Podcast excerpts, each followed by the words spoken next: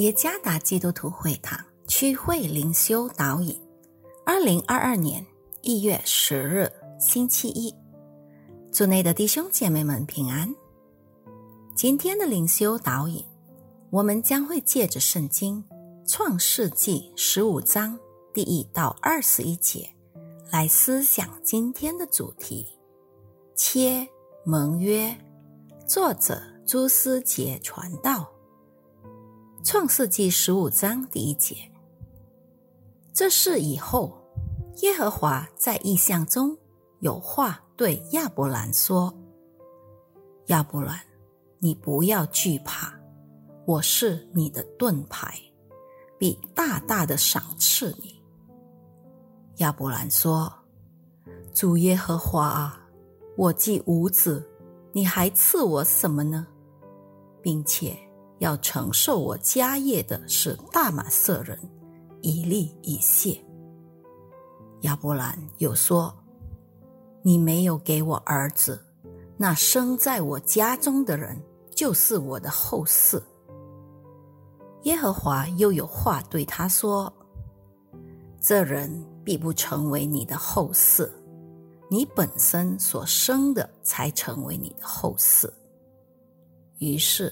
领他走到外边，说：“你向天观看，数算众星，能数得过来吗？”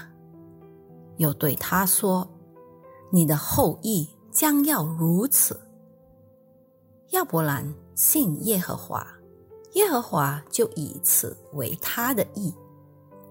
耶和华又对他说：“我是耶和华，曾领你出了。”加勒底的乌尔，为要将这地赐你为业。亚伯兰说：“主耶和华，我怎能知道必得这地为业呢？”他说：“你为我取一只三年的母牛，一只三年的母山羊，一只三年的公绵羊，一只斑鸠，一只雏鸽。”亚伯兰就取了这些来。每样劈开，分成两半，一半对着一半的摆列。只有鸟没有劈开。有只鸟下来，落在那死处的肉上，亚伯兰就把它吓飞了。日头正落的时候，亚伯兰沉沉的睡了。忽然有惊人的大黑暗落在他身上。耶和华对亚伯兰说：“你要的确知道，你的后裔必积聚别人的地，又服侍那地的人。那地的人要苦待他们四百年，并且他们所要服侍的那国，我要惩罚。后来他们必带着许多财物从那里出来，但。”你要享大寿数，平平安安的跪到你列祖那里，被人埋葬。到了第四代，他们必回到此地，因为亚摩利人的罪孽还没有满盈。日落天黑，不料有冒烟的炉，并烧着的火把，从那些肉块中经过。当那日。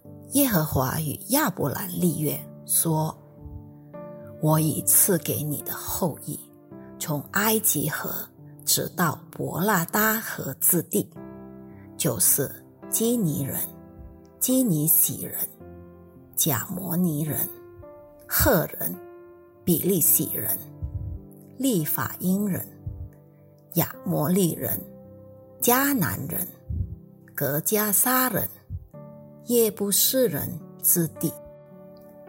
上帝与亚伯兰立约，亚伯兰将会得到后裔。从亚伯兰的后裔，他们将会承受从埃及直到幼发拉底大河之地。亚伯兰确实是很渴望有他的后裔，因为至今他还没有从妻子撒莱那里得到后嗣。上帝应许保证这事将会发生在亚伯兰身上，作为立约的保证和仪式。上帝按照当时人们常用的仪式来约束自己，即劈开动物。这就是所谓被称为“切盟约”的术语。切意味着劈开，而盟约则是结盟时所立誓的约。为何必须透过劈开动物呢？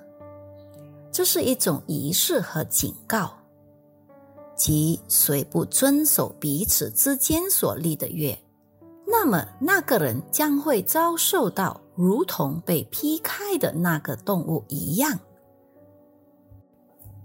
当亚伯兰沉沉的睡了，上帝被描述成烧着的火把从那些肉块中经过，这就是上帝与亚伯兰立约的记号。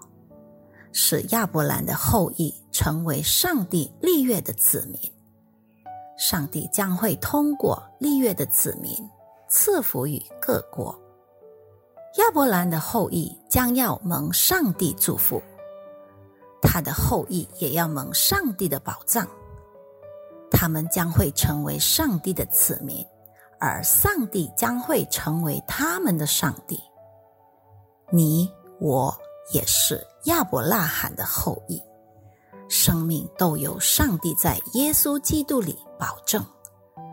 正如上帝曾对亚伯拉罕说：“亚伯兰，你不要惧怕，我是你的盾牌，必大大的奖赏你。”这些话也是对我们这些与他立约的子民说的，在耶稣基督里。我们能持续忠心并遵守上帝的圣约，因此那圣约的祝福将永远与我们同在。我们是立约的子民，生命都由上帝在耶稣基督里保证。愿上帝赐福于大家。